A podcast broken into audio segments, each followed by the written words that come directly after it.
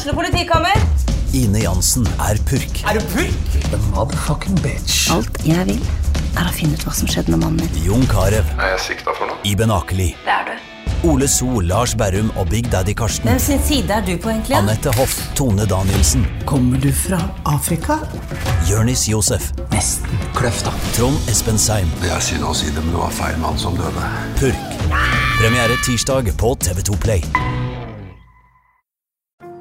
Ungsamtalen fra DNB er økonomisk veiledning tilpasset deg som er ung. Bokk en ungsamtale på dnb.no. slash ung. Det er kjempebra hvis du skal inn på boligmarkedet, hvis det er drømmen din, liksom. Det er det du skulle sagt. Og så kunne du ropt litt mer, da, sånn som jeg gjorde. Bam! Åh, Nå må du bare ta det inn, nyte. Det er det siste gang vi lager taco her, faktisk. Siste gang vi spiser godteri fra dette bordet, faktisk. Nei, men eh, for å bare si én ting til, så er det jo siste gang eh, mest sannsynlig For når det blir så tomt med møbler her, så kan vi jo ikke spille. Da blir det altfor mye akustikk. Ja. Det blir siste gang vi spiller på det. Så vi er live inne siste episode på Gaza. det? Har du starta? Ja.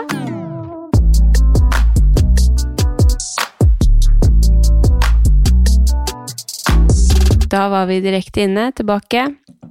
Siste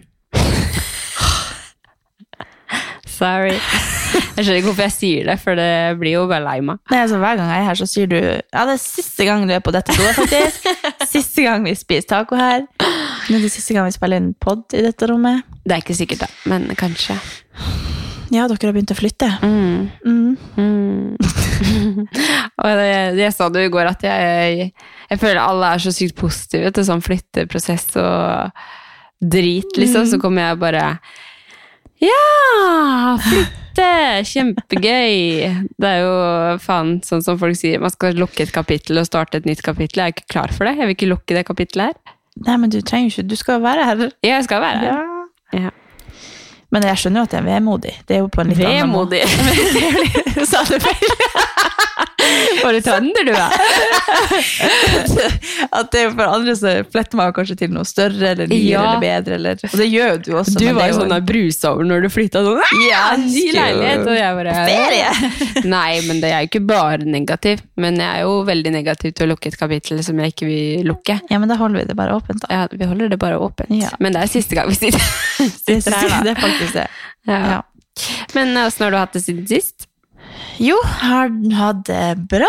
Mm. Det, jeg føler jo uken går så fort nå når plutselig ting åpner igjen. Så jeg har jo ikke kontroll på hvem jeg er, eller hva jeg gjør, eller Ja, men det var jo ikke noe nytt. Nei, det har jeg egentlig aldri hatt. Men eh, nei, det har jo plutselig kasta seg over med ting hver dag. Jeg føler ikke at jeg, Siden jeg flytta inn, så har ikke jeg slappa av i sofaen, føler jeg. Nei. Jeg har liksom holdt på med et eller annet hver dag og hver helg. Og, ja. Men du er jo veldig er flink til å bare jobbe livet rundt, da. Ja, Det er jo sånn klokka 11 på kvelden. Du bare 'Jeg skrev et eller annet inn i Trello her', så bare se på det. Jeg bare 'Jeg er alltid på jobb'. ja, men jeg må, nå gjerne først er påskudd, så det er vanskelig å skru den av. Ja. river av meg tightsen her. Oi. Tre meter med ledning. Nei, med tråd. Um, ja, men jeg har hatt det bra, og i går så var jeg på turning, så jeg er støl ifra, som jeg sa i stad til vår gjest som vi snart skal ta inn, så sa jeg at jeg er støl liksom fra øynene til tåneglen. Altså fra, fra den kanten i bakhodet til, altså, i, i kinnene. Jeg er støl overalt, det er Ja, helt men sjukt. det er jo digg, da.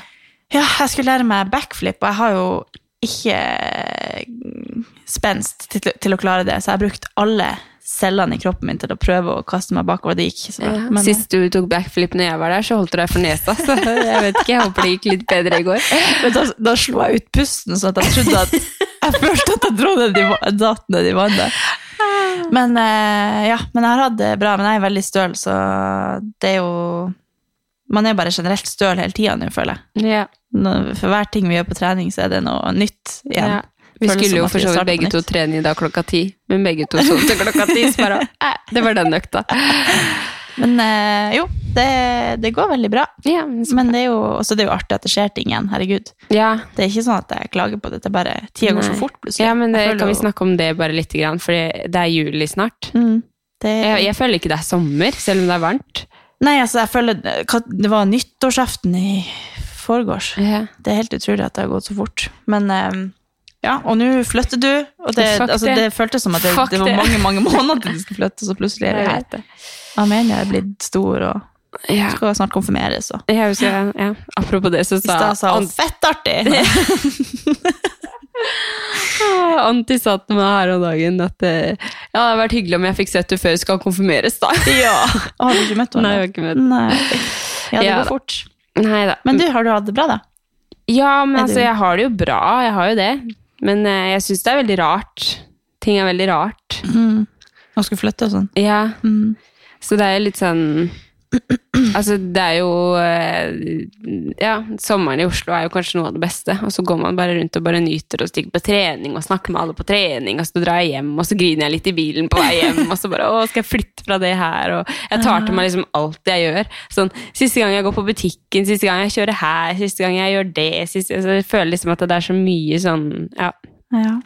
Men meg og kjæresten er jo enige om at eh, hvis, eh, vi ikke skal, hvis ikke Skien funker, så skal vi tilbake. Ja. Så det er liksom Derfor tenker jeg vi bare ikke besøker dere. If you never try, you never know. Ja, nei, du Dere har jo fått eget rom, så vær så snill. Nei, men jeg er ikke interessert i å komme dit. Så da... Ja, det kunne du si før jeg lagde et rom til dere, da. Nei da. Nei, men jeg har et rom til deg også. Ja, det har du. Jeg kommer sikkert til å bruke det mer enn dere bruker det. Ja, det, det har ikke blitt åpna siden vi flytta dit. Nei. Det bare står og venter til du har flytta og kommer på besøk. Ja. Jeg tok og titta inn sist jeg var hos deg, Ja. på rommet mitt. Men hvordan går treninga og sånn om dagen, da? Jo, men det går jo bra, egentlig. Jeg tror jeg har hatt litt overtenning, for å være ærlig. Ja. Ja, Jeg tror også at jeg har eh, det. så jeg liksom, I går så leste jeg litt på sånn trening etter fødsel for å bare bli litt smartere. Og bare hmm, Ja, kanskje jeg skal vente litt med det, bare for å være litt ikke, Det har ikke skjedd noe farlig, altså, men jeg har jo fått litt vondt i kneet og litt i skuldra og litt Ja. i håndleddet. Altså, det er jo litt sånn Litt overtenning. Men det er jo ikke nytt Nei, det er ikke så, men jeg syns jo treninga går bra. Men eh, jeg har jo hatt med meg hun på trening hver dag òg. Så ja. Ja, hun, jo, hun ligger bare og ser på oss. Ja. Så, Men det er sånn som hus, du sa at eh, Sånn som hun sa. sånn som du sa, at hun er jo kanskje begrensninga mi, som kanskje er litt bra. Ja. At du begrenser meg eh, litt. ja. Du tenkte at det var litt eh, greit å Ja. sitte hjemme Nei, at hun var hjemme, men at, og at vi dro i lag, Mm. bare vi. Men det er jo sikkert ganske fint at hun er med, for da får du de pausene du egentlig skal ta, som du ikke tar, eller at du da blir litt påminnet om at du har faktisk nettopp født. Ja. Nei da, men eh, det går bra. Det går bra. Ja, du er helt rå. Mm, ja. Jeg, jeg får jo Ja. jeg er veldig, eller, Det er jo bedre for meg, for at jeg klarer å hente meg litt inn og tenke Jeg har faktisk ikke født, så jeg kan faktisk gjøre dette. Men så har jeg Ja, bare tenkt men- sånn Nei, men vi har nettopp født, så jeg kan faktisk ikke Ja, gjøre dette. Men så kommer vi tilbake til det der dritet du snakker om. Fordi du, du snakker deg selv ned. Det var faktisk ganske artig, for jeg, jeg filma det vi um, trente her om dagen, og så glemte jeg av at jeg filma, så bare sto vi og diskuterte et eller annet, for at jeg klagde på at jeg var dårlig, et eller annet, og så tar Andrea meg skikkelig på det, så fikk jeg sånn, herregud, hvor da hørte jeg liksom på hvor, hvordan jeg er. Helt rart når man liksom ser seg selv, utafra. Mm. Bare, eh, uansett hva det er, så skal jeg liksom unnskylde Ja. at Nei, men det er jo fordi at Nei, men det, jeg har jo ikke vært der på lenge, eller jeg har ikke Nei, jeg har ikke noe mål om å gjøre det, eller Jeg Ja, men det er liksom sånn, Jeg har kommet hjem fra trening, så jeg tenkte sånn Hun gjorde akkurat det hun skulle. Og så snakker hun som at hun har skalert hele økta. liksom. Så jeg bare sånn Hva er problemet ditt? Jeg vet ikke. Nei, du er mye råere enn det du tror, i hvert fall. Kanskje du sier sånn for at jeg skal føle meg bedre, eller så er det bare jeg vet Nei, jeg vet ikke. Jeg tenkte litt på det. Jeg tror jeg har en sånn mentalitet fra jeg var unge, at jeg har liksom alltid vært eh, litt dårligere eller eh, litt større og litt tregere eller et eller annet sånt. Jeg har alltid tenkt at jeg kommer ikke til å vinne uansett. Så da har jeg bare belaga meg liksom på det at jeg er dårligst uansett, og så da har jeg ingen forventninger til det jeg holder på med. Mm. Så da er det liksom mye lettere. Da jeg, blir jeg aldri skuffa, og da blir jeg aldri Nei, Det er veldig men- behagelig å leve sånn. og det henger litt i, tror jeg. Jeg tenker, ja. Men det er jo noe jeg prøver å jobbe med, å bli litt mer badass i mentaliteten min, og skjønne at eh, jeg er bedre enn det jeg ja. tror at jeg er. Ja, virkelig. Skjerp deg. Men skal vi ta en ukens gjest? Ja, det syns jeg vi skal. Ja. Vår kjære Roberto. ja. Robert Hibner har vi eh, Du må ta mikrofonen nærmere, du. Sånn her. Ja. Velkommen i eh, vårt eh, hjemmesnekra studio med godis på bordet. Og Tusen takk, tusen takk. Bæresjal på TV. oi, det var jo Ja. Det var jo Velkommen. hva skulle- Takk. Hæ? Han har fått seg en sånn litt sånn halvdårlig kaffe her. Vi har lært faktisk noe nytt om deg i dag, at du er ganske ram på kaffe. Du Nei, ja, jo. bygger dine egne Du sår dine egne frø og Jeg tror det stopper på at jeg kverner Melker mine egne ku og- bønder. Det gjør jeg. Men det er egentlig litt Det er ikke min skyld. Det er eh, en kompis sin skyld. Hvordan har du blitt sånn? Jeg hadde blitt nervøs hvis jeg skulle laga den kaffen til deg. Man blir påvirket av folk rundt seg. Ja. Stakkars Alexander, kjæresten til Andrea, står og lager, koker vann i en kjele og finner sånn pulverkaffe oppi skapet, og Robert sier sånn, ja, nei, hjemme så brygger jeg mine egne Nei, hva er det man sier? Kverner dine egne bønner. Ja. Brygger mine egne Men det er jo kanskje det eneste området. da Jeg er stort sett på sånne mat- og drikketing, så er det jo ofte jeg som er den enkleste. Ja. Men du, Det du har jo din, Hvis du har liksom dine ting, så er du ganske Du er veldig Ja, bare la perfeksjonist meg på de være, tingene. Ja. så fikser jeg meg selv. ja, ja. Ja, ja. Men det er alltid sånn nytt, uh, en ny ting man må gjøre når man Mm. møter nye folk og ny jobb eller nye settinger. Så må jeg liksom etablere det. For det blir alltid sånn, bare sånn Ja, men nei, jeg tåler ikke det. Så bare må jeg etablere ganske tidlig. Bare, la meg liksom bare være i matveien. Ikke spør. Bare la det være. Ja. Så blir det bra. Ja, ja. Så fikser jeg meg selv. Mhm. Eller tilpasser meg. Ja, det er jo ganske enkelt å forholde seg til, egentlig. Men eh, Ja, bare du får Jeg skjønner at han ble litt nervøs der. over til allergiene mine, så er det good. ja. Det er bare sånn To eh, sånne skjeer med kaffe. Så det, er jo, det er jo veldig vanskelig å skulle gjøre det, liksom lage en perfekt kaffe av vann og pulver. Er ganske Men han var bare sånn Jeg pleier å ta én skje og en halv, en og en halv skje cirka. Det pleier å bli bra. Hva var det, var det bra? Var det en toer? Det... Det var en helt middels ok. Var det Ja. ikke det vi fant ut? Ja. Vi landa på helt ok. ja. Ja. Det var ikke sånn som du gjør hjemme. Men kan ikke du fortelle litt eh, om hvem du er, da? Til Oi. de som ikke vet det. Vi kjenner deg ganske godt, men eh, til de som hører på, så er det litt eh, greit å ha en litt sånn grunnleggende innføring i Robert. Å, det var vanskelig, Den var jeg ikke forberedt på. Nei? Hvem er jeg? Jeg er Robert, eller Rob, Rob Job? eller Bob, eller Robbie, Ja. eller mange navn. Nei, hvem er jeg? Skal vi si det, eller? Ja, Nei! jo, Nei! jo. Nei. Jeg må bli introdusert. Ja, du, ok. Uh, de som har fulgt oss en stund, har jo sikkert sett deg en del på alt det vi har gjort. Du er jo som regel eh, med oss litt sånn i har vært litt i kulissene, men vi prøver å dytte deg litt frem der du fortjener å være. men uh, Robert er jo en uh, fyr som vi ble kjent med gjennom Rebook. Eller Rebook, som han har prøvd å lære seg at det heter. Eh, og eh, har jo vært en sånn eh, co-manager, vil jeg si, for oss. Eller du, du har en eh, du har en sånn naturlig oppgave i livet, føler jeg. At du bare vil bygge folk opp og frem, og ikke deg sjøl nødvendigvis. Men eh, nå er du på vei til å fatte hva du sjøl også er verdt. Men eh, du har vært en veldig, veldig viktig rolle for oss, i hvert fall. Mm. Og eh, i alle de årene vi har eh, blitt influenser, holdt jeg på å si, så har du vært en, en eh, veldig kul eh, støttespiller å jobbe med og gjøre kule ting med. Det er fordi Men jeg sånn- kunne jobbe med dere. Ja. Men sånn den du er, er jo for eksempel hvor gammel du er, hvor du er fra, bakgrunnen din. Det kan du si. Ok. Nå Jeg vet de litt gammel, da. hvordan forhold vi har med det. Ja, det er for jeg er jo gammel. Nei, Jo, det er jeg jo. hvor gammel er du? 32. 32 er ikke gammelt. Nei. Nei. Litt gammel. Nei. Um, Tenk på de som er 17, så 35 tenkte du at som 32 hører var på. gammelt, men nå er det ikke gammelt lenger. Jeg hadde egentlig en sånn tanke da jeg var yngre om at jeg, jeg vet ikke hvorfor, men at jeg gjerne ville stoppe på å være 23. Ja. Men da hadde jeg også en tanke om at jeg syntes det hadde vært kult å hete Patrick. ja.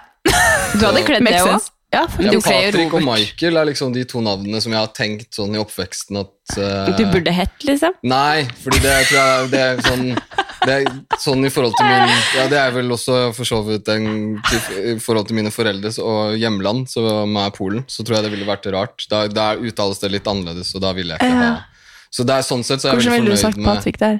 Hæ? Hvordan ville du sagt? Patrick. Ja, det er Det kult. funker. Men det har vært Pat Patrick eller Michał. Michał. Michael Men hvordan Michał. eh, uttaler man Robert? Robert. Robert. Robert. Hvorfor Så- prater ikke du sånn?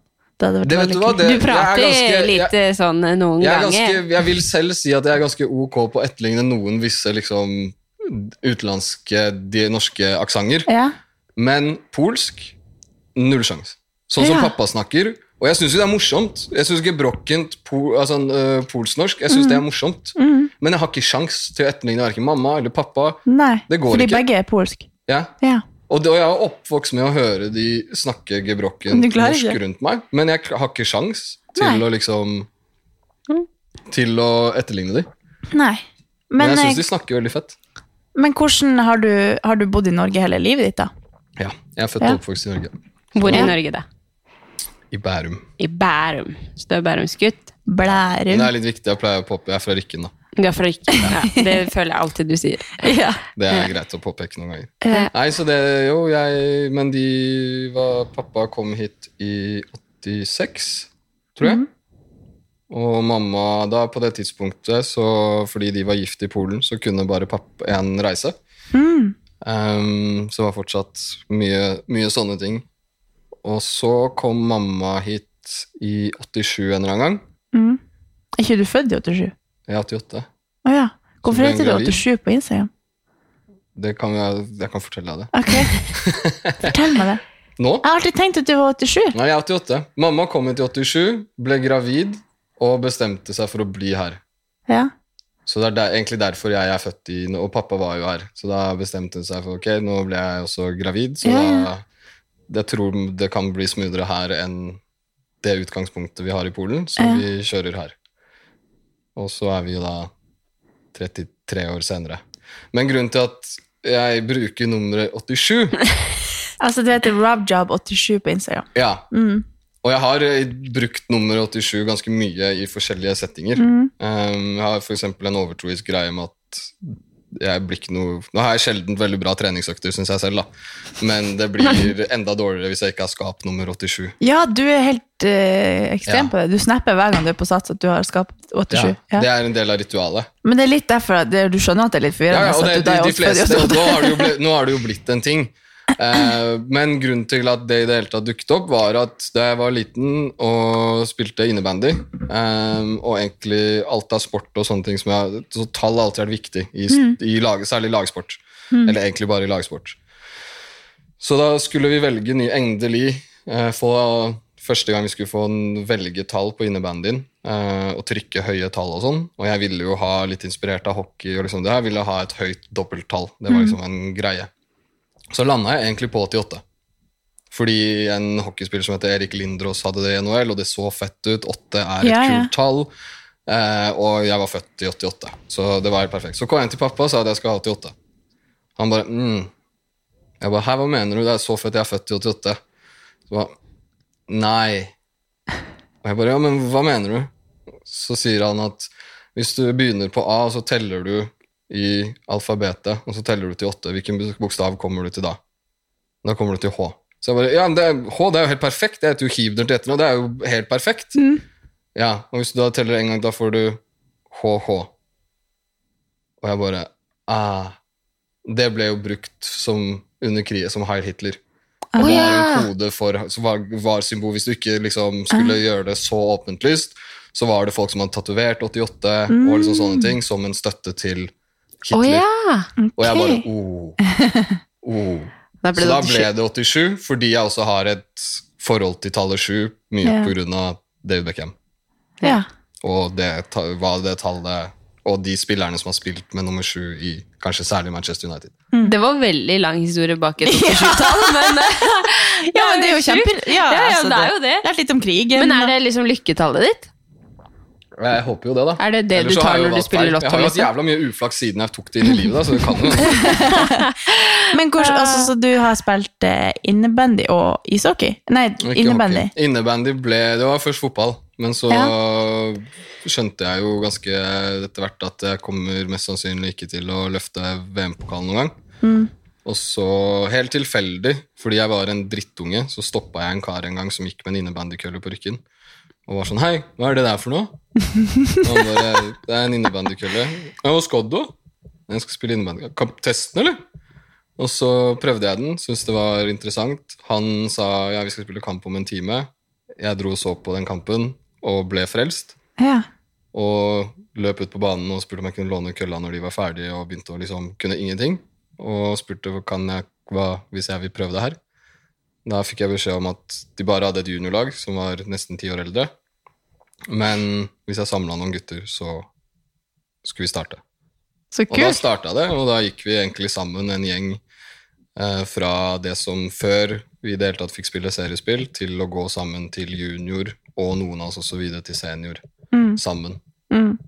Så det var ganske gøy. Så det er det du har drevet med av idrett? Ja, det blir liksom min, min ting. Mm. Spiller Altså du noe enda? Nei, det er lenge siden nå. Men var det der du Det var ikke det du gjorde når du knakk foten? Nei, da spilte jeg fotball Ja, det var det. Ja. Mm. Men vi kan komme tilbake til det etterpå. Men eh, ja, så du ble altså født og oppvokst i Norge, har polske foreldre, Mhm. og har da en bakgrunn innen innebandy. Mm. Har du noen andre sporter du Eller har du noen gang liksom likt trening? For det er jo det vi kjenner deg litt så sånn Du har jobba med oss eh, i ei stund, og det vi driver med, er jo trening. Og hver gang vi prøver å få deg med på trening, så er det uh, At det, det er liksom det, det kjipeste du kan gjøre, men du gjør det likevel. Ja. Ja, det der har jo vært Så det en liksom reise. Altså, ut, I utgangspunktet så tror jeg det, det, det er litt interessant, for jeg tror for meg så har det, sånn som for dere så har det vært treningen. Mm. For meg så har det vært idretten eller sporten. Ja. Konkurransen i det. Mm. Eh, Det samme var det på fotball og ikke minst innebandy. Jeg var aldri den som Jeg hadde mange unnskyldninger for å slippe barmarkstrening. Altså Ja. det var jeg, jeg har pollenallergi, så våren er kjørt. og liksom, hvis man skal løpe Cooper-testen to ganger i året på videregående Ja. Jeg løp den aldri. Ehm, så Det har jeg også lurt meg unna ganske mange så det var litt sånne ting, og det, det er jo selvfølgelig ikke bra. Man trenger den treningen, så ikke skip den. Men jeg var nok mest glad i kamp, Ja. eh, og det det ga meg. Og var ikke så flink til alt det rundt, som Mm. egentlig er kanskje det viktigste. Men eh, er du mer sånn at eh, hvis det er trening, hvis det er, hvis det er sånn organisert trening, sånn at nå må du på trening, og nå må du det og det og det Ja, det likte jeg. Eh, Det likte du, Mm. men du liker ikke når du ligger hjemme og bare 'Å, skal jeg dra på sats?' Ja, hm, det liker du ikke. Nei, det er også det som da er mer vanlig, altså barmarkstrening eller styrkekondisjon. Ja. De tingene liker jeg. likte jo sånn som Trening for meg var jo å kunne spille fotball eller innebandy. Mm. Ja, sånn og så er- lenge vi ja. gjorde det, og også øvelser innom det, med kølle og ball f.eks., Mm. så var det helt fine. Og jeg var på hver eneste trening, og jeg var jo eh, både kaptein og til dels assisterende trener, og liksom den som samla alt, var Hvis ikke treneren Hvis treneren var forsinka, eller sånne ting, så var det jeg som satte i gang. Og sånn. Og alt det trives jeg veldig med. Mm. Men når vi da skulle ha ut av sesong eh, eksempel eh, joggeskogen, da var jeg sjelden med. Ja.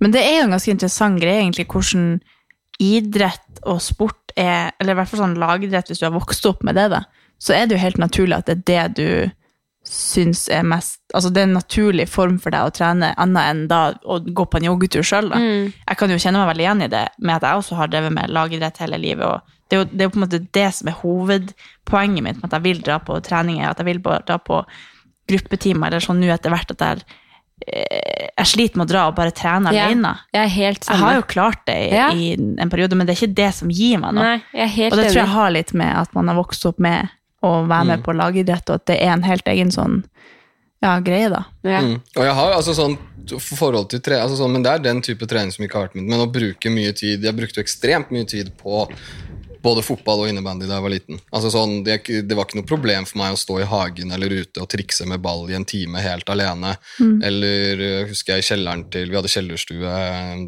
hos mamma som hadde en sånn eh, Den var ganske lang, for den gikk liksom igjen under hele etasjen, så mm. den kjellerstua var lang. Så der kunne jeg stå og spille innebandy og hadde en sånn peisvegg jeg kunne stå og liksom dundre inn i. Og det, det gjorde jeg jo i timevis. Ja. Eh, og det kunne jeg jo gjøre, men det var fortsatt da innenfor Det var vel egentlig rett og slett at jeg ble ikke sliten av det. Nei. Men det er jo en, det er jo på en måte en form hvor du glemmer at du trener. Det er ikke sånn at du, du trener, du Ja, er jo egentlig bare den- Du leker jo egentlig. Ja. Og det er jo en Ja, tenk hvor rart det hadde vært hvis man ikke hadde sånne sporter, da. Hvis det kun Ja, ja. var uten eh, equipment, holdt på å si. Mm. Hvor viktig ballidrett kan være for mange unge sin vei inn i aktivitet, da. Ja. At det Eller lagidrett, liksom, Mm. i seg selv. Ja. Men da er fordi du, det, altså, da løper de jo da, altså, så lenge kampen er i gang. Og, Ja, ja. Altså, da er det jo, og du tenker jo, det er jo fortsatt lek. Det, Ja. jo det, Mm. det sier jo også mange av de største idrettsprofilene vi har. Altså, ta for eksempel Mats Zuccarello. Mm. Det sa jo han av grunn altså, Det er fordi han vil jo at det, skal være lek. Mm. Eh, og han har det gøy når han spiller hockey, og det har han fortsatt den dag i dag. Um, og så er det jo hele jobben selvfølgelig rundt i forhold til det å prestere på det øverste nivået. Men det skal i utgangspunktet først og fremst være gøy, og det er en lek. Sport er jo en lek, og så gjør man det inn til en konkurranse, og så Mm. Men hvordan er det da når, når du likevel drar på trening, da? Selv om du ikke liker det. Hva er liksom grunnlaget for at du har funnet at det er lurt? Nei, sånn i nyere tid, da, eller så har det jo vært at kroppen har trengt det. Mm. Eh, rett og Vil du bli gammel? Eh, ja, det føles jo nesten litt sånn. ja. Eh, men eh, den har jo vært, denne kroppen har vært litt trøblete siden starten av 20-årene, egentlig. Men du var jo Du har jo vært gjennom en ganske brutal skade òg. Ja, jeg falt ganske stygt på ski. Ja. Kan du fortelle litt om det? Uh, ja. Um, jeg husker faktisk ikke Nå er det sånn Det er rundt ti år siden, tror jeg. Jeg er Mhm. litt usikker. Ehm, det var det egentlig bare Jeg hadde ikke stått på ski på en stund. Det var liksom den perioden hvor du går fra at skiene dine på typ ungdomsskolen og sånt nå blir for små, du slutter litt videregående, det er ikke så mange det er, litt, det er ikke så mange som står på ski. Og så Altså, tok jeg opp mener du skiene. langrenn eller Nei, på jeg, jeg slalom? har aldri stått noe særlig på langrenn. Nei, Men- altså langrenn Nei, slalom. Slalom, Ja. twin tip. Mm. Og så, da jeg begynte å studere på BI Jeg så ikke for meg deg på langrennsski. Nei, det har jeg faktisk ikke stått på siden andre, andre klasse på barneskolen er sist. Nei. Etter det så skulka jeg Du alle er en sånn, altså Robert er sånn gjennomført, sånn eh, kul type. Altså, jeg kan Det ikke var, si det var en gang jeg kom på skolen i minus seks-syv grader i jeans og hettegenser. Skalv når jeg sto ute fordi vi skulle på skitur. Og de bare 'Hvor er ski Nei, pappa vil ikke leie ski, ski til meg', sa jeg. Og da, ja, men hvorfor har du ikke tatt med deg klær? Du sa, vi sa jo at du skulle være med. Nei, jeg vet ikke. Så jeg satt så det sto liksom og skalv. Så da fikk jeg være igjen på skolen. da. Ja, Mm. du nekta. Det var digg, altså. Ja. Satt og tegna isteden. Ja, unnskyld, du skal fortelle, for det var bare litt artig. Hvor var jeg? Altså, Du, du, du hadde lagt fra deg skia, men tatt de opp igjen fra Ja. kjelleren. Og så hadde så jeg hadde ikke stått så mye. Jeg hadde stått én gang den sesongen og to ganger året før eller noe. Og så dro jeg opp til Hemsedal, hvor en kompis hadde campingvogn. De hadde, var der allerede, litt sånn spontant rett etter å ha levert en eksamen. Um, hadde en veldig hyggelig kveld der oppe med de før vi skulle i bakken på morgenen dagen etter. Nypreppa bakke. Um, første, andre turen den dagen. Første turen i parken. Og hvorfor eh, man ikke bare kjørte gjennom parken for å se hva som skjedde, det vet jeg ikke. Men det var fordi de kjørte rett på den første big jumpen. Og mens jeg drev og fiksa på utstyr og skulle selvfølgelig se freshest mulig, at alt satt bra og var on point. Så når jeg så opp, så så jeg sistemann var ferdig med å hoppe, og jeg skulle sette fart mot samme hoppe, men så kom det en hel sånn twin tip-klasse. Eh, som da hadde skole, altså som skulle hoppe der med lærere og sånn. Så jeg liksom i fart svingte bort, for jeg så at de lina seg og begynte å hoppe en etter en, og så en big jump til. Så jeg bare, ja, men den tar jo jeg. Og av en eller annen grunn så følte jeg meg ganske bra akkurat i et millisekund der, og satt meg bak ned på skiene og tenkte at jeg trenger litt ekstra fart. Og det siste jeg husker, er at jeg flyr ut av hoppet. Og, og da, fra der så er det svart helt til jeg ligger på magen med hodet opp mot det hoppet som jeg hoppa på. Og bare kjenner at fra midten av skulderbladene til langt ned forbi rumpa, så bare gjør det så sinnssykt vondt. Mm. Og instinktivt snur jeg meg over på ryggen, vet ikke helt hvorfor. Og idet jeg gjør det, så sneier en liten kid meg som hopper på samme hoppet, rett over meg. Oi. Men han bånder hoppet der hvor det flater ut, og faller sånn som han skal falle på et hopp. på en måte. Mens jeg har jo mest sannsynlig bare deisa Jeg har aldri sett det, ingen av kompisene mine så det, men jeg har mest Nei. sannsynlig bare deisa rett i bakken, og så mista helt kontrollen i lufta og Ja. gått rett i bakken. Og så plutselig, noen sekunder etterpå, eller noe, så står det en kar over meg og ser ned på meg og spør om det går bra. Og jeg sier nei, jeg tror ikke det. Jeg har dritvondt i hele ryggen eh, og skjønner egentlig ikke så mye. Og så eh, ser han på meg og sier han, vet du at du blør i ansiktet? Så sier jeg nei. Så tok jeg hansken inntil ansiktet, så så jeg at den ble rød. Så bare sånn, ok. Eh, bare, hvor er hjelmen din? Har den falt av? Jeg bare Hjelm hadde ikke Nei, nei, hadde ikke hjelm. Eh, ryggplaten din, har den knukket? Kjenner du det? ryggplate. Har man det på ski, liksom? Hadde ikke det heller. Eh, når jeg sto på ski da vi var kids, så var det kuleste å være uten hjelm. Ja, du og- skulle bare ha T-skjorta, type? Ja, ja, helst Ja, ja. liksom det. Så det hadde jeg jo ikke. Eh, så det har jeg brukt siden, bare sånn at det er sagt. Så Mm. bruk hjelm, og ryggplate også veldig, veldig smart. Um, og så ble jeg kjørt ned i en sånn uh, pulk som de blåser opp, som, som, sånn at du ligger i et sånt vakuum. Og henta ambulanse, kjørt på syk, eller til Gol på legevakta der. Og der konkluderte de vel med at jeg kunne kjenne føttene mine og bevege de og sånne type ting, selv om kompisen min fortsatt mener en dag at jeg overdrev litt fordi sykepleieren var søt. um, det erkjenner ikke jeg, men uh, Og så var det vel egentlig Ble jeg sendt ut derfra med en pakke Voltaren. Og kunne, var null sjanse til å sitte. Kompisen min spurte om jeg kunne sove over, sånn at de kunne kjøre meg hjem dagen etter. Jeg sa at det er null sjanse. Jeg ble kjørt hjem i min bil av en kompis og satt og holdt meg med begge hendene hjem fra Hemsedal tre og en halv time på armene. Oi. Og siden da, så, altså da, så ja. Så det balla på seg siden da. Ja. Og siden da så har du hatt problemer med ryggen, egentlig. Ja. Mm. Hva var det egentlig som hadde skjedd? Nei, da så var jo oppfølgingen ikke så veldig bra, da, så jeg dro til fastlegen, som jeg fikk beskjed om. Han konkluderte med, uten å sende meg til noen bilder, og det, de tok tok ja. ikke bilder av meg første gangen heller. Oi, Eh, han gjorde ikke det? Nei. Nei. Han konkluderte med at jeg har slått halebeinet veldig kraftig, så det kan jo ta fra en måned til syv år, eller gjøre vondt ganske lenge, da. Ja. Og første, og i første gang så er det jo slått meg såpass at jeg vet jo at det kommer til å ta tid. Så det at jeg ligger basically de første tre ukene så ikke kan sitte når du har slått hale, altså på flere måneder, det er ikke så uvanlig. Mm.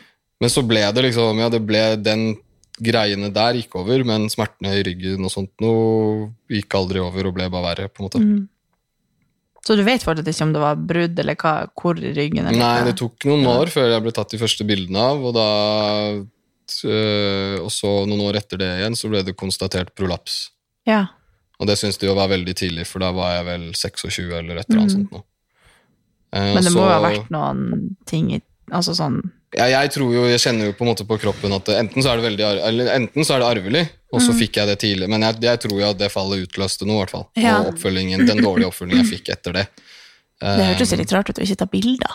Ja, og heller liksom Ja. Og så hadde jeg en periode, lang historie kort, så hadde jeg en periode hvor eh, de øvelsene jeg fikk, og den behandlingen jeg fikk, var eh, ting som jeg ikke tok seriøst nok, eller følte at funka, og gikk om hverandre i en del år med å prøve å gjøre litt, ligge på sofaen ha det vondt og synes synd på meg selv, eh, gå på jobb, og egentlig det var litt sånn det sirkulerte i flere år. Mm. før jeg en dag da våknet opp og hadde så vondt i hele kroppen fra med liksom hodepine etter å ha sovet en hel natt, og ringte til forsikringsselskapet mitt og sa at nå må, jeg, må det skje noe. Hvis ikke Mm. så Jeg hadde faktisk ikke vært sykemeldt en eneste dag fram til da, utenom i, helt i starten.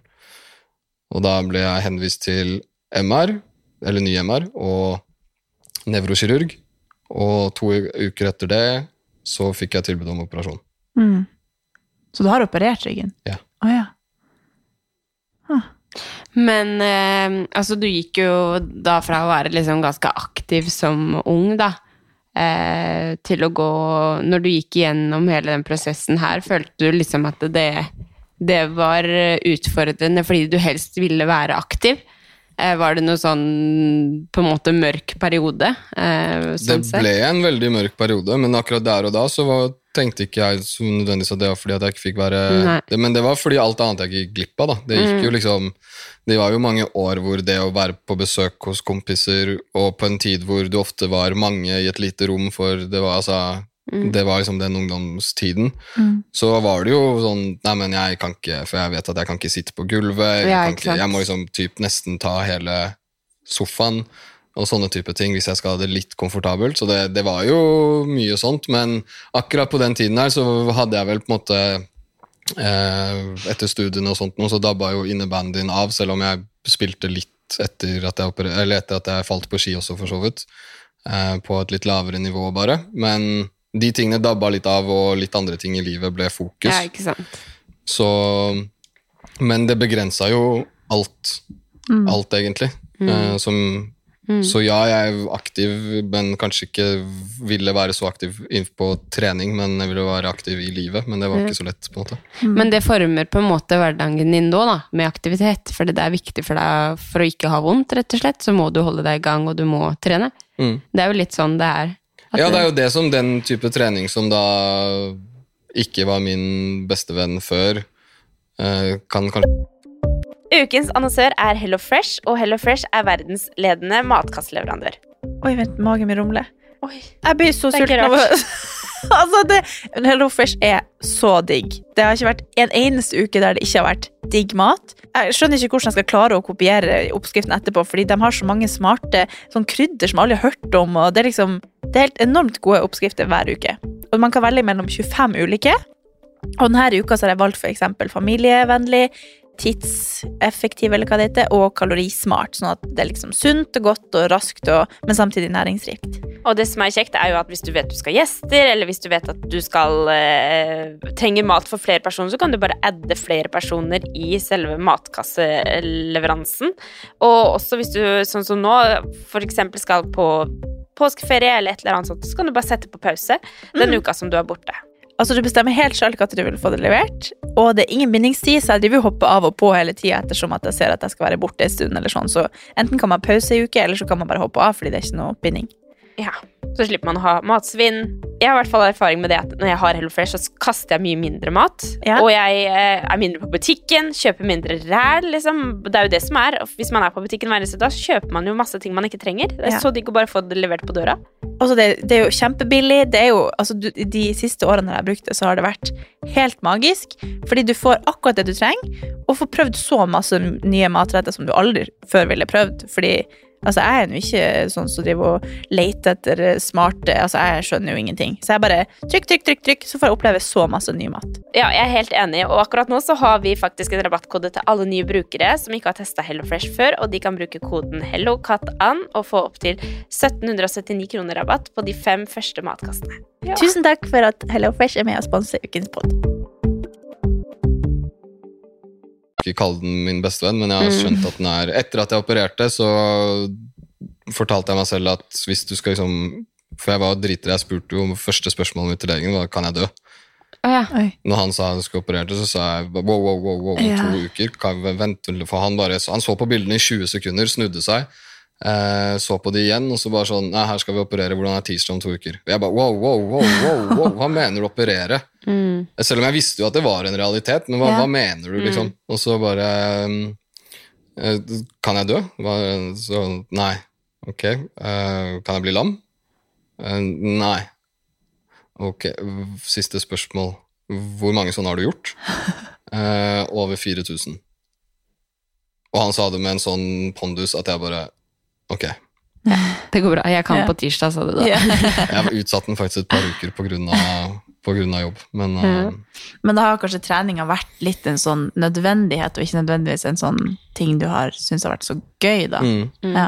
Og det er nok der litt de tingene at jeg har jo noen begrensninger, og vet jo at jeg ofte også kan ikke bare trene det som liksom eventuelt er gøy. Jeg Mm. bør prioritere andre ting. For det er jo også de, de beste periodene jeg har hatt etter det, er jo når jeg har prioritert sånne ting som man kanskje syns er litt kjedelig, eller Mm. nedprioritering, som tøying eller en del øvelser som kanskje særlig gutter ikke er så kine på å gjøre, og Ja. har masse fokus på på gymmen. da, Hvor du er Mm. heller keen på å, å gjøre det de andre gjør, Mm. istedenfor å ligge på en matte og, og gjøre ting som Som jeg også for så vidt i etterkant har skjønt at det er jo egentlig folk som da skjønner, Hvis de syns det er rart, så kan de jo faktisk ikke trening. Nei, nei. Eh, fordi det jeg gjør, er De jeg har fått, de øvelsene, stoler jeg på. Mm. Og, og det er på en måte de som kan trening. Mm. Så hvis du syns det er rart så Hvis jeg ser noen jeg syns er rart, rart på gymmen nå, så tenker jeg bare han der eller hun vet, peiling, eh, ja. vet noe som jeg ikke vet, for å si det sånn. Men vi har jo mm, Det er flere ganger som eh, hvor jeg har kjørt en økt, og så har du kjørt den samme, eller altså et eller annet, da. Hvor vi har bare Prøvd, kjørt, heter det. Ja, prøvd. Ja, og så har jeg sagt liksom Ja, det var så gøy, og det var så deilig, og, og sånt. Og så kommer du bare Hva mener du? Det var jo helt Altså, vi har veldig sånn forskjellig Jeg er jo sånn etter en treningsøkt, så er jeg liksom overlykkelig. Eh, sånn helt jævlig irriterende blir, liksom. Og mens du er mer sånn Absolutt Åh, jeg er så sliten. Absolutt du får ikke den derre Altså, haien som vi får, da. Altså, Eller du av, får av dere to så er det uten Det er, det er veldig lett valg hvem jeg hadde trent med. Er det det? Ja. Du hadde ikke trent med meg? Jeg hadde heller trent med Katarina. Er det sant? Ja. Hvorfor det? Hæ, hvordan da? Det er veldig artig. Fordi at jeg blir så blid? Nei, men du er jo liksom Du er jo liksom knallhard, og når du går inn i sto du skal trene Katarina kan jeg distrahere litt, og Katarina jukse er litt med på å jukse. Altså, jeg, for å si det sånn, Hvis jeg og Katarina skal ta knebøy sammen, så er vi begge Vi er begge på ti samtidig, uansett hvor mange vi egentlig har tatt. Ja. Mm. Ok. Ja, ja. Mens du er den som Ja, det var ti. Det var ti. Ja, mens du er den som Nei, nei, nei, nei du har to igjen. Kom igjen nå. Du er som Kristin. Ja, det tar jeg som et kompliment, Ja, faktisk. det- Hvis du sammenligner meg med Kristin Holte. Det er det, Takk. Så, Jeg tar den. så ja. Nei, det en, jeg har en litt, litt annet forhold til det. Og det er vel også derfor jeg på en måte har foret, Du har snakket mye om det der uh, før, men uh, så at jeg foretrekker og for så vidt den type trening, så foretrekker jeg alene. Selv om jeg er Ja. glad i, så glad som jeg er i lagsport, da. Men Mm. uh, jeg vet ikke. Det har noe med det Det var sist gang vi var og prøvde å trene etter post korona også, hvor jeg, jeg var ganske Jeg trodde at det skulle gå bra. To øvelser inn. To øvelser, tre på etter øvelse tre var det. Så kortslutta jeg. Men det var jo ganske Altså, jeg tenkte liksom Ja, det, det jo har vært korona, og da kan man liksom kutte ned litt på repetisjonene sånn etter formen. Og da, da jeg tror det var sånn 190, 80, 70, bla, bla, bla, mange øvelser. Og 100 Jeg visste ikke at det var. Knebøy første. Ja, det var noe Jeg tror det var 100 kne. Og bare sånn, hvis du ikke da har trent knebøy på et år, så stopper du jo etter 30. Ja, ja, det så jeg gjør det. altså det var jo egentlig en veldig dum økt. Men jeg tenkte ja, men det er liksom enkelt å sette opp og enkelt å bare gjøre uten å tenke så mye. Og da kan man bruke så lang tid man vil, og man kan kutte litt. Og ja. Så det var jo egentlig ganske dumt satt opp av meg, da. Men, men kjenner du av og til når du drar fra trening at åh, det var deilig? Du må jo kjenne på den følelsen. Jeg har kjent på det, Ja, du har det. Ja, Den er, ikke ikke like ofte som det du kjenner på den, Nei. for du kjenner på den både før, under og etter. Eh, Ja. Men ja, jeg har kjent på den. Men hva er det som Eh, gjør at du da får den der lysbetonte følelsen? Det er når man har kommet seg litt over kneika, og Ja. det går litt lettere, da. Men jeg tror du er ganske Eh, lik meg, at du liker å være i komfortsonen. Du liker ikke å presse deg utafor. Jeg bor i komfortsonen. Ja, jeg òg. Ja, ja, men altså, det Men da jo få ganger man liksom tør å satse og faktisk får det til, så får jeg den skikkelig. Men det er jo veldig sjelden jeg får den der skikkelig sånn Å, shit. Men det sa jeg til deg en gang når Når var det? Det er ikke så lenge siden jeg sa at jeg følte at selv om jeg egentlig i utgangspunktet tenkte at nå skulle jeg jukse ja, det, Jeg sa det i forrige episode eller noe. Ja. Og da jeg faktisk gjorde det, og Mm. tenkte at jeg har faen ingen grunn til å jukse Jeg har veldig lett for å jukse på repetisjoner. men jeg kan ikke telle, så jeg bare tenker sånn Ja, men det var sikkert ti. Ja, ja. Uh, og da fikk jeg sånn Fy faen, så rå jeg var i dag som kjente liksom at jeg har ingen grunn til å kutte ned på noe, eller jeg må bare pushe meg selv om det er tungt. Så er det sånn Hva er det verste som kan skje? Jeg blir bedre. Ja. og så klarte jeg å gjennomføre det selv om jeg syntes det var jævlig tungt. Og da fikk jeg en skikkelig sånn, og det får ikke jeg så ofte, for at jeg presser meg veldig sjelden sånn. Men jeg får den jo òg av det å sende sosialt og alle de her tingene. Men er det noen ting som du tror kunne vært med på å bidra på at du fikk en mer lysbetonet trening? For eksempel, men greia jeg tror jeg alltid har hatt, og som jeg fortsatt som jeg fant ut veldig altså Når jeg begynte å trene litt mer, det var vel også i perioden hvor det var jo mye på grunn av Eller det at man kom så stabilt inn i det, var jo mye på grunn av dere da jeg begynte i den jobben og sånne type ting. Fordi man så mye mer trening. Man måtte jo liksom opp i ringa litt da, hvis dere trente hver dag og jeg skulle snakke treningssko til dere og liksom forstå noe som helst, så måtte jeg i hvert fall gjøre noe. Eh, Men det jeg på en måte fortsatt ikke klarer å finne ut av, den tror jeg liksom jeg alltid har hatt, også når jeg spilte både fotball og innebandy. For det husker jeg fra jeg var liten òg, men at jeg blir, når jeg blir sliten, så blir jeg sint. ja, det blir du. Ja, det blir det. Og det, så, sånn var det da jeg var liten. For jeg husker, ja, men jeg husker liksom, hvis, jeg ble, hvis jeg var sliten på fotballkamp og ble takla, f.eks., Ja. så kunne det også, det husker jeg noen av kompisene mine sa, men da, da, da jeg plutselig var best. Når jeg var liksom, for da bare går det en faen i meg, og så liksom Og det kjenner jeg selv. Og den følelsen i, i en kampsituasjon, den elsket jeg jo. Og det, det når det bare er litt sånn Det, det er noen minutter igjen, det har vært litt uh, tøffe tak, og det bare svartner litt for folk, og alle går liksom hardere inn i dueller, og det, liksom, det betyr noe for alle ute på banen der. Ja. Det elsket jeg jo. Og da kunne jeg jo gjerne sende en kar over vantet, og satt jo veldig mye i utvisningsboksen, som det heter altså, i, i, i innebandy. Men, eh, Men det, er jo liksom, det jeg kommer liksom ikke unna den, at når jeg blir skikkelig sliten, og det er derfor jeg altså ikke vil være for mye utafor komfortsonen, mm. så har jeg en tendens til å bli sint.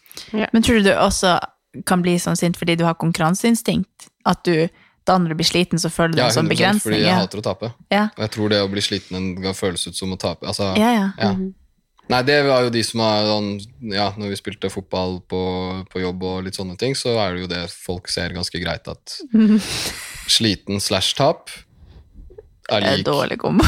trenger fem minutter. ja. Men, så er så vet jeg det selv òg, så jeg går jo bort. Ja, ja. Med Men du mindre jeg blir holdt igjen og folk som er ekstra sånn Ja, Som men det var Andrea. dritbra, Andrea. og det var high five, og ja, men vi tapte nettopp 3-0, vi ble pissa på her. Ja, ja, men kjempebra, så det er gøy.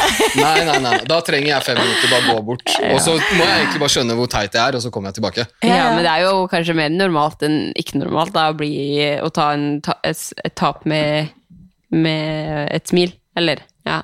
Jeg får bare håpe jeg er en ok vinner. ja. Ja, det tror jeg du er. Ja. Det tror jeg du er. Jeg ser ikke for meg deg som sånn der ekkel, eh, ekkel vinner. Nei, jeg vet hvordan det er å tape. Ja. Men hvordan husker du den perioden vi ble kjent? Sånn alle folk, Hva var liksom ditt første inntrykk av oss når vi kom inn i Jeg husket faktisk deg fra da, vi, da jeg var innom og hilste på Sanjit. Da du var på et event med Jørgine. Ja! Det husker jeg! Det jeg var gang jeg det var, det var egentlig sånn, Da skulle jeg møte, da skulle jeg hilse på bare innom Jeg var i nærheten eller et eller annet sånt og hilse på Filippa og Sanjit. Og så Det var jo første gang jeg egentlig var på et sånn type event. Men det var jo et år eller halvannet før jeg i det hele tatt vi begynte å jobbe sammen. Det er sant. Ehm, Da var det sånn for at vi skulle gjøre ei treningsøkt for å teste en sko, så var jeg invitert på den. Da Ja. var ikke jeg i rebooken. nei, det var rett før. Det var vel Mm. der det typ starta, for Ja. det var vel Jørgine som inviterte deg med, eller Mm. noe sånt noe. Men var det, da, var det da snakk om at du skulle inn i den jobben da? Nei, jeg, var, jeg jobba i et byrå som var ansvarlig for Sanjit sin rolle. Ja, ikke så det var egentlig litt sånn, så kjente jeg Filippa fra før. Mm. Ehm, så det var jo egentlig litt sånn. Um, og så Men hvordan husker du meg, da? Hæ? Hvordan husker jeg, du husker meg? at, jeg husker at du var der. Ja, men husker du hva, hva du tenkte? Og hvordan inntrykk hadde du av oss? Jeg tenkte at det her er jo fuckings galskap, tenkte jeg. Men da skal det jo sies at jeg tenkte mest om det om Jørgine, for det var første gang jeg så Jørgine i aksjon. Og tenkte at det der det der er det første det er det sterkeste mennesket jeg noensinne har møtt. Jeg er ganske langt unna Jørgine, da. Ja, Da skal sies at da husket jeg Jørgine som den sterke, ja. Ja. Mm. Ja, ja. Og de øvelsene, altså bare ligge nede helt flatt, reise seg bare rett, altså bare sånn, prøv det hjemme, det går jo faen ikke engang, ikke? Eh, så det var liksom bare sånn, ok, wow, det der er liksom, det er, det er også trening. ja.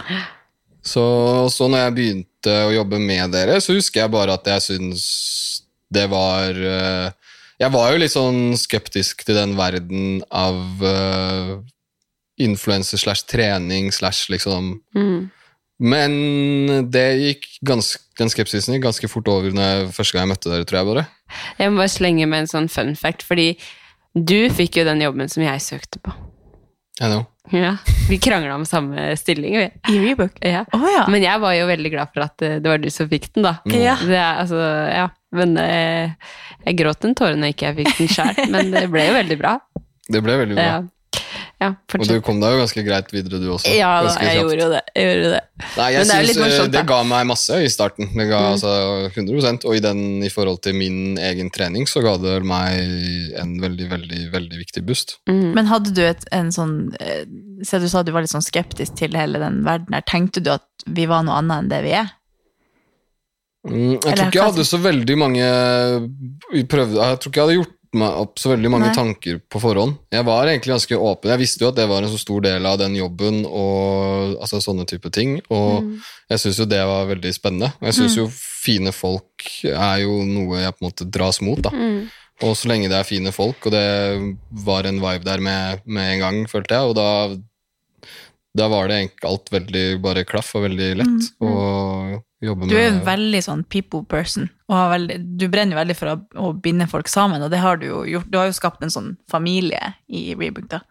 Og, og rundt alt andre du gjør. Nå driver du jo til og med litt manager innen musikk, og Mm. du gjør jo veldig mye forskjellig.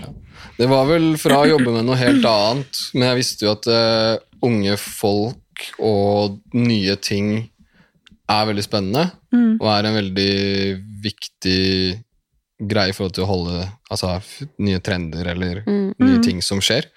Nå tror jeg bare i den perioden der også fant at jeg tror jeg så litt at etter de, det vi gjorde sammen og sånne ting, at jeg har noe å bidra med. Mm. 100%. Um, og jeg syns det er veldig gøy, og det var jo ting som var eh, enda nærmere hva jeg interesserer meg for i det daglige, kontra hva jeg hadde jobbet med før.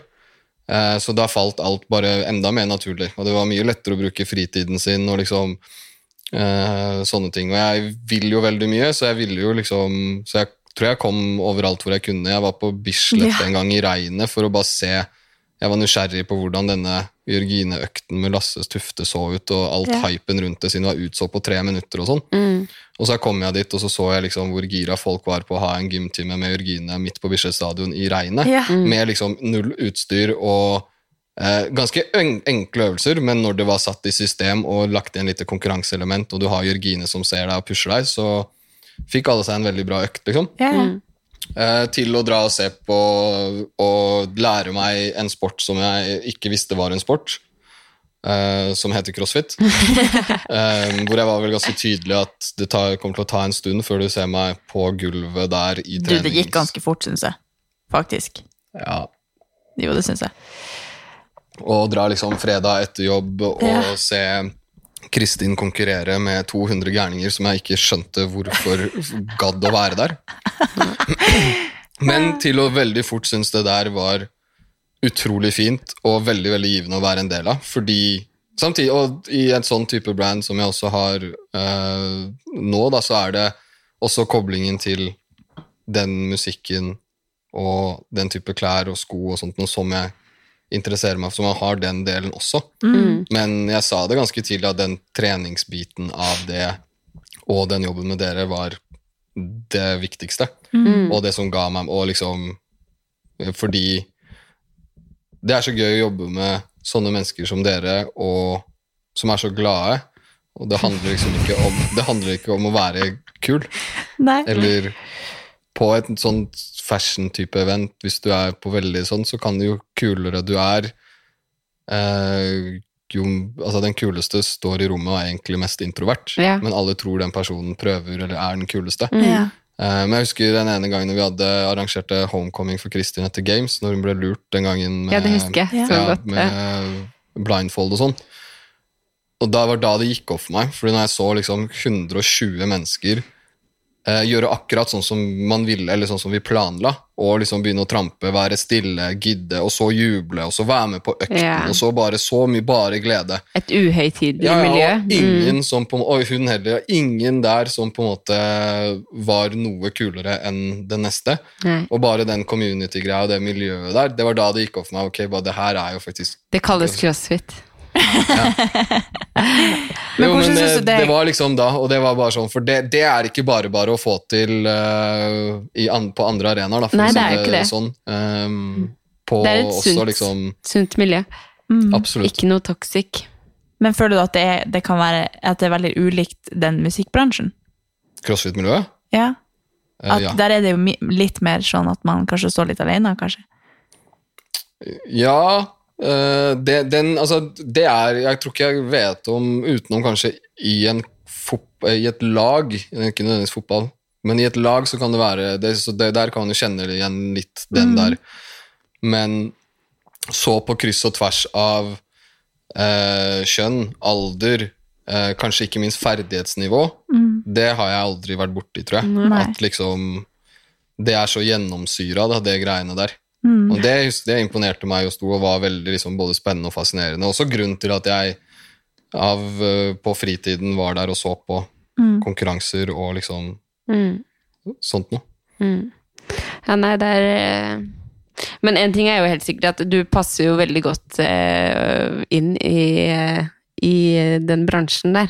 Du er veldig flink til å liksom sette folk sammen og jobbe med mennesker og ja, Mm. tilpasningsdyktig og Det er jo Ja, det er vel også det jeg føler at, jeg, at vi skal jobbe med. Og sånn var det jo med crossfit, for eksempel, og sånn blir det jo med de tingene. Så jeg vil jo vite noe, og så vil jeg Mm. gjerne altså selv om Og det tror jeg jeg klarte å bevise for meg selv, i hvert fall. At jeg, liksom, jeg trengte egentlig ikke å trene crossfit for å for å være en kredibel person til å Mm. snakke crossfit-produkter, Mm. eller til å være en altså sånn, Det følte jeg glei rett i. Jeg kunne komme inn på å være der så mye jeg ville, alltid veldig godt tatt imot. Mm. og Uh, selv om jeg ikke gjorde det dere gjorde, på en måte. Mm. Um, men det var også fordi at jeg valgte å lære meg crossfit. da Mm.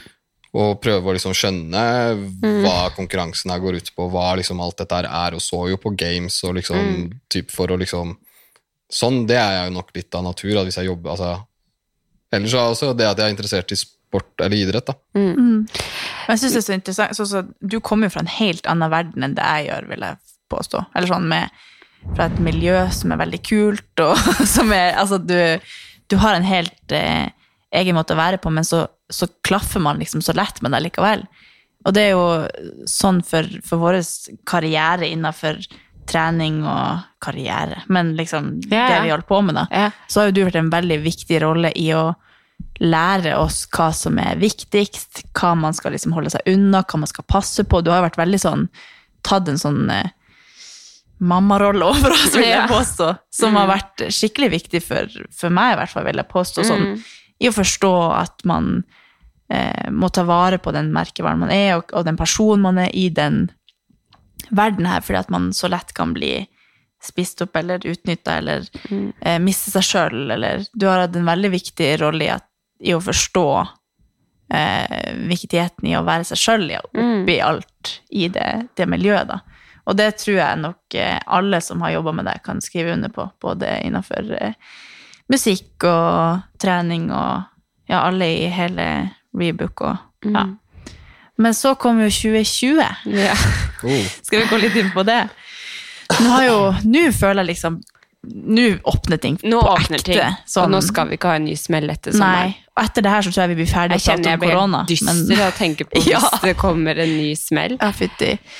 Men um, da, eh, helt i starten av 2020, så brakk du beinet Mm. eh, på fotballtrening med jobben. Ja. Det som var faktisk litt interessant, det er akkurat siden vi var inne på trening Dagen før så Ja. hadde jeg hatt en veldig god dag på Sats. Ja. Og det var sånn, tenker jeg tilbake, og det er kanskje fordi det var breaking point litt òg, men jeg tenker tilbake bare sånn, Da var jeg liksom bra, det var digg å trene, komme inn i en rutine. Du dro fra gymmet med endorfiner? Ja, det hadde liksom. faktisk vært på løpetime dagen før. Ja. Og det var for første gang jeg var faktisk close på For jeg møtte en kollega på den løpetimen, eh, og hun skulle være med på den neste løpetimen også. Og det var plass. Og jeg var faktisk close for å bli med på en løpetime til og gå back to back, noe jeg aldri har gjort. Mhm. Og Eh, du holdt men jeg- nesten men på så å si at det var litt gøy. ja, det, ja, nesten litt. Eh, og så tenkte jeg bare Nei, men vi skal spille fotball i morgen. Jeg er keen på å være litt sånn jeg, Vi tar denne godfølelsen og går i garderoben med den i dag, på en måte. Og ikke pusher unødvendig, for det har jeg gjort altfor mange ganger før. Og så, 40 minutter ut i fotballøkten dagen etter, så smalt det. Ja. Jeg husker det så godt. Jeg var på kontoret den Mm, dagen ja, det det, skjedde. Ja. Ja. Så jeg fikk eh, høre det. Da, ja. Nei, da smalt det, og jeg har tråkket over på samme ben før og hatt et lite brudd der og sånn før, så jeg kjente igjen og kjente med en gang at jeg er ferdig. Og det var ikke bare å brekke foten, det var ganske brutalt, var det ikke det? Jo, det viste seg jo det, da. Etter at jeg etter hvert kom meg på Oslo legevakt og ble liggende på en sånn der gang der. Og så eh, kom hun tilbake etter røntgen og sa at det er i hvert fall ett brudd, men vi må ta sete også fordi vi er usikre på om det er et til. Mm. Og jeg bare oh. Og så var det jo det, og så var det konferering med Ullevål sykehus på om jeg måtte opereres eller ikke, om jeg skulle sendes rett til operasjon. Men så konstaterte, at, konstaterte de med at det var såpass rene brudd at um, man trenger ikke det. Og vi hadde jo da egentlig planlagt ganske mye gøy sånn jobbmessig som skulle skje Mm. Var det ikke helga etter eller noe? Det var liksom mye gøy som skulle skje Men vi skulle da. opp til Gol. Ja. Og du kunne jo ikke det. Nei, nei, jeg, Nei. hadde ti, jeg trodde jo da at jeg skulle For det var litt etter, så jeg trodde jo en liten en Det her var jo da i starten av februar, var ikke det? Jo. Jo. Ja. Jeg trodde jo kanskje jeg skulle få med meg det på krykker, men jeg Mm. skjønte jo fort etter at jeg begynte å gå på krykker at Du kunne jo gått bare med bare. meg, for jeg gikk jo og skygga for alle de utstoppa dyra, ikke sant? Så kunne du gått med krykkene dine. Vi hadde sikkert gått samme tempo. Nei, så da var det ti uker eller noe på krykker, og så Ja. um, småutfordrende situasjon hjemme. Ja, det var jo for det, det, det Da skal du jo Når du brekker foten, så, så er det jo litt sånn stress å bevege seg så mye rundt, så da er man jo mye hjemme. Og da sitter du hjemme og ser på TV, gjør du ikke det? Jo, Jo. og så kunne jeg ikke sove i sengen min heller. Nei. For jeg, bor jo, jeg har jo en hems. Så jeg sov jo på sofaen og lå der på dagen konstant i ti uker fordi jeg Ja. ikke kunne gå opp i senga, for jeg kom meg ikke opp stigen. Det høres ut som du er tidenes Så ja, jeg brukte men, mye tid på TV. men uh, det var vel sånn en dag du satt og overlapping der, så Ja, det var vel en dag du satt og så på TV, og så bare plutselig så Ja, det ble, det ble mye TV-titting, og da trenger man jo en pause i TV-titting, og da er det jo jævlig smooth at man har noe vi kaller mobil. Ja. Så da satt jeg på mobilen mens TV-en sto på sånn ventemodus. Um, og plutselig så lå den TV-en motsatt vei på gulvet. Å, det er det Ja. Så da så jeg i øyekanten at TV-en min helt plutselig bare falt uh, ned i bakken. Uh, og dette var vel datotyp uh, 13.-14. mars 2020, så to dager etter at alt hadde stengt. Så liksom alt var bare Det var jo ja. shutdown. Mm. Så jeg hadde et par uker hvor eh, ja, en midlertidig PC-skjerm som jeg fiksa meg på appen Nabohjelp, faktisk. Ja. kom en kar og leverte den hjem til meg. Veldig snill russer. Tusen takk.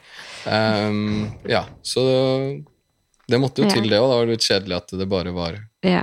var ikke nok. Ikke sant. Men så gikk det jo litt tid, og du ble eh, bedre, og eh, du kunne i hvert fall begynne å gå igjen, og, og litt sånt noe. Og så skjedde jo en annen kjip ting, Mhm, hvor du eh, da plutselig ikke hadde en jobb lenger. Mm. Så det var jo liksom ikke bare det ene. Eh, og nå vil jeg jo si at, det, og TV-en faller ned er jo en fillesak, egentlig. Men eh, brekke foten, isolasjon, eh, korona Du hadde liksom allerede altså. vært isolert i ti uker, eller, Ja. eller, eller sånn, ikke kunne gjort så mye. Ja, det var litt utfordrende, utfordrende å ikke ha noe som du visste For altså sånn I starten så har man jo noe man trodde man skulle tilbake til en viss mm. normal. Og da er det jo på en måte altså sånn Det var flere som sa til meg sånn, de første ukene på krykker og hjemme på en måte, Jeg skjønner ikke at du klarer det. Mm. Og da tenkte jeg sånn men, du, Hvis du ikke kan bevege deg, så ligger du. Det er så enkelt. Da klarer du deg sånn Mm. ja, Jeg hadde blitt gæren. på Sånn, ja, men du har ikke så mye valg. så mye valg, Jeg kommer meg ikke opp i senga, jeg kommer meg ikke ut på tur. på en måte. Mm. Jeg må ligge her, så da, da gjør man det. Mm. Um, men det å da etter hvert ikke ha noe konkret eller noe dato eller liksom uh, ting å vite når man skulle tilbake til en viss normal, Mm. det var jo ok utfordrende pluss, kanskje. Ja, for sånn som vi kjenner deg, så er jo du en av de mest sosiale typene jeg vet om. Eh, og da så har jo jeg, altså jeg har jo gjennom hele denne perioden vært sånn Herregud, tenk at Robert får Altså, jeg hadde liksom lyst til at du skulle begynne å jobbe hos oss, eller noe sånt. Du, jeg føler liksom hele identiteten din er jo å være sosial og ute og jobbe og connecte folk. Og, altså, du er jo veldig sånn, så jeg kan jo vel virkelig skjønne at det var ei påkjenning. Mm. Men du, kjente du den mest eh, Eller merka du at det ble en sånn psykisk påkjenning for deg? Ja, ja. Jeg har vært gjennom mange sånne faser både før og egentlig, og sånn, så jeg var sikker på at dette skulle bli en påkjenning. Jeg var veldig usikker på hvordan jeg egentlig skulle takle det. Mhm. Um, og det gikk veldig opp og ned. Uh, sett tilbake på nå, var sånn som mamma sa når jeg kom meg tilbake i jobb, og sånn, så sa hun bare jeg, skjønner, altså, jeg er så glad for at du ikke har blitt gæren. Ja, altså du, du har Eh. virkelig takla det skikkelig bra, til tross for at det har virkelig vært Du har hatt all grunn til å takle det dårlig, liksom, for det har vært eh, til å være deg, så, Mm. så ble det en veldig sånn plutselig omveltning, da. Mm. Og så har du bare vært stabil i det, selv om du har jo sikkert hatt eh, tunge dager, liksom. Men Jeg tror det er litt sånn hell i uhell med det som har skjedd meg før, med at jeg på en måte av både ryggen og andre årsaker har hatt perioder hvor jeg har vært mye Ja. altså det, det har vært chillest å være mye alene hjemme. Mm. altså sånn. Mm. Så jeg tror det har på en måte hjulpet. Eh, fra, men så har det vært samtidig utfordrende å takle at man på en måte kommer fra de tre altså nå, nå, når man ser det sånn, så de tre beste årene på veldig, veldig, veldig lenge. Mm. Så var det jo utfordrende å skulle gå inn i en sånn type Mm. litt mer sånn type tilværelse igjen og kjenne Mhm. på Da begynner man jo å lure på hva, hva av gamle ting man kommer til å begynne å kjenne på, og liksom sånt noe. Mm. Um, men så var det jo litt sånn er jo en, ikke en bra ting, men går det for lenge, så blir du jo vant til noe også. Det blir jo en, og så hjalp det jo sikkert at det ikke skjedde veldig mye rundt om Ja, ute pga. ja. korona. Så det var hele veien så har det vært hell i uhell i uhell i hell Mm. eh, med alt sammen. Uh, fra, og det sånn, Jeg kunne vært lam pga. det på ski, Mm. og jeg hadde kanskje fortjent det. Men, altså sånn, ikke, ja, uh, med tanke på at jeg ikke hadde noe beskyttelse. Ja, ja. Og, Mm. Så alt mulig Sånn sett så har det jo vært Men det har Det vært er veldig veldig fint å kunne se det sånn, da, for det er nok ikke alle som kan. Liksom sånn, Se at man har hell i uhell, og liksom se det på den måten som du sier nå, da. Og så hadde jeg noen uh, veldig fine folk som jeg har blitt kjent med opp igjennom, som gjør uh, litt ulike spennende greier, som involverte meg i det. Så en av Mm. de tingene er musikken, og så eh, litt folk jeg kjenner fra før som jeg har fått involvert meg i prosjekter, og, og hatt Mm. noe å gjøre, i hvert fall. Ja. Men nå er vi jo eh, Nå går vi mot lysere tider, og ting åpner jo. Herregud, det er jo helt sjukt. Eh, og du har jo fått deg ny jobb, mm. eh, og det er jo dødskult. Det gikk til Eh, slutt. Det gikk til slutt, og det har jo, og det har jo ikke bare vært eh, Det er jo en kjempekul jobb som du har fått deg. Ja, du har jo steppa opp. Eller sånn, det, det er jo, du er jo Hva heter det når man får en bedre jobb? Nei, men i Ja, hvert fall ja, opp. opp. Og det er jo eh, vel fortjent, vil jeg absolutt påstå. Virkelig. Det, det skjedde noe bra til slutt. Men eh, da kan man jo snakke om det derre og eh, den derre eh, Å gå fra liksom å være hjemme i et år pluss, pluss, pluss, da, eh, til å plutselig komme tilbake til en jobb hvor du skal være på jobb fra ni til fem, og eh, det er jo en, en eh, stor endring når man har vært altså Det gjelder jo sikkert veldig mange nå. Sånn når du har vært isolert så lenge, så plutselig skal du være supersosial. Man blir jo helt utslitt av det. Ja, jeg føler når, nesten at man har blitt litt sånn in, Eller mer Introvert. introvert, og at Ja. jeg syns det er vanskelig å, å mingle. Og Ja. Det er jo en helt ny verden. Men åssen har det vært å være tilbake? Det har gått overraskende bra. Det gikk i Ja. overraskende bra i starten. Jeg var jo veldig spent på akkurat de tingene Mm. du, du nevner, faktisk. Mm. Ehm, men så har man blitt godt, veldig godt tatt imot. Uh, er jo, som dere sier, et sosialt vesen, så jeg merka jo tidlig at liksom, okay, det var veldig deilig å se folk òg. Mm. og i starten, i en sånn setting og sånt noe, så har man jo en del adrenalin, og liksom det går på det. Så det gikk to uker hvor det gikk veldig greit, og hvor jeg også prøvde å ha et liv i helgene og var på mm. hyttetur og liksom Ja, men det her går jo Og så kom tirsdag denne uken her, og da kortslutta det litt igjen. Um, men det går veldig bra. Det er bare, men det er litt sånn, den, sånn som vi snakka om uh, litt tidligere, at um, alt åpner jo samtidig. Ja. Eller for jeg begynte på jobb eh, og liksom fått Men samtidig så åpner alt, så det begynner å skje ting på, på kveldene og i Du starta jobben og- samtidig som alt åpna, egentlig. Ja. Ja. Mm. At nå kunne vi endelig være i lag, eller Altså nå, denne uka, så har jo plutselig trenger ikke munnbind ikke, Altså det er så mye ja. ting som bare plutselig åpner jeg har alt. jo Jeg bare vært på to Vent, vent, vent, vent, vi må slappe av litt. Jeg har vært på to sånn konserter. Tre konserter. To konserter jeg Oi, sat, oi, satan. Nå skal jeg ikke banne.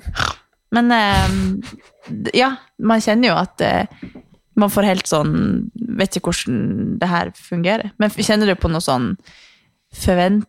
Eller kjenner, har, har du noen forventninger til perioden fremover? Kjenner du på noe sånn prestasjons... Eh. Ja, jeg har altså, kjent du, har jo, på du er jo veldig perfeksjonist fra før av. Mm. Jeg har ganske store forventninger til meg selv, Ja. uh, og det, de kjenner jeg på. Jeg vil jo på en måte vite mest mulig, fortest mulig, Ja. og ha mest mulig kontroll. Så jeg sliter litt med, med det å være ny, eh, på en måte. Og Ja. du skal ikke ha alle svarene, og liksom Det er under opplæring, på en måte. Um, men jeg vil jo litt ekstra, da. Så jeg har kjent på det òg, så jeg har prøvd egentlig nå smøre meg med litt tålmodighet. Ja, det må man jo bare. Og, og tenke at jeg har ikke, har ikke dårlig tid. Mm. Um, så får vi se, da. Ja, det kommer det til å bli så sinnssykt bra. Jeg kjenner jeg får litt sånn gåsehud at vi Ja, så selvfølgelig skal jeg flytte, da. Så det er det der som er den mørke greia. Men at Nei, mørke greia, det høres jo helt feil ut. Men vi, det er jo liksom Alt eh, ordner seg jo Ja. nå framover. Mm. Det kommer jo til å bli veldig bra.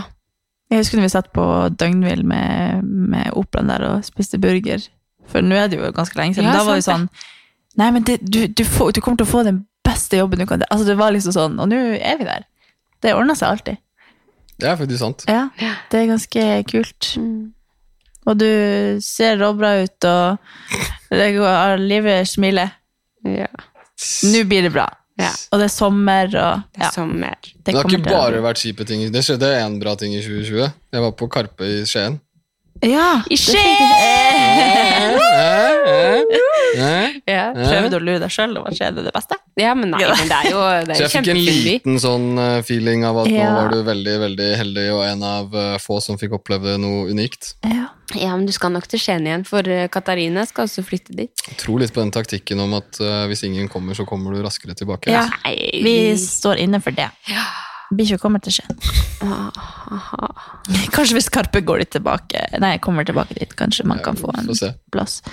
De er jo mye i Skien. Ja, de er jo det. Mm. Vi kan flytte inn der, vet du. Ja.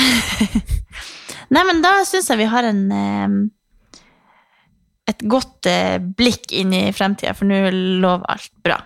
Så det er en fin avslutning på, på denne episoden. Ja. Ja. Og vi er veldig heldige som har deg, og veldig stolt og glad for at du nå er på vei inn i superstar-mode inn i bransjen igjen, og Jeg har liksom lyst til å være sånn flue på veggen. Ja, jeg vet. Jeg Men vi er jo det. Vite, ja, Vi følger med. men jeg vil vite enda mer, liksom. Ja. Men uh, ja, du har jo vært på jobb i to uker, har du ikke det? Jo, faktisk tre. Ja. Ja, men det blir også bra. Men uh, tusen takk, det samme. Jeg setter jo ekstremt pris på å ha dere to i livet mitt. Ja. Og du skal fortsette som manager selv om du ikke er i Rebook lenger. du er en sånn f- frenager. Det er faktisk et veldig bra ord. Ja. Mm. Det var Det visste jeg ikke var et ord. Det er ikke et ord. Nei, du lagde det nå? Frenager. Nei, det var bra. Nei, men takk for nå. Og hvis det, dere lurer på noe om Robert eller vil eh, følge med, så er det RobJab87 på Instagram. 87. Ja. Vet historien bak det jo. ja. Ok, takk for i dag. Ja, takk for denne episoden. Ha det! Ha det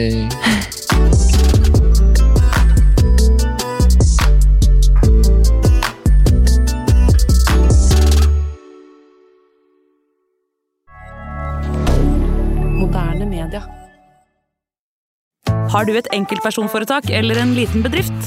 Da er du sikkert lei av å høre meg snakke om hvor enkelt det er med kvitteringer og bilag i fiken, så vi eh, gir oss her, vi. Fordi vi liker enkelt. Fiken superenkelt regnskap.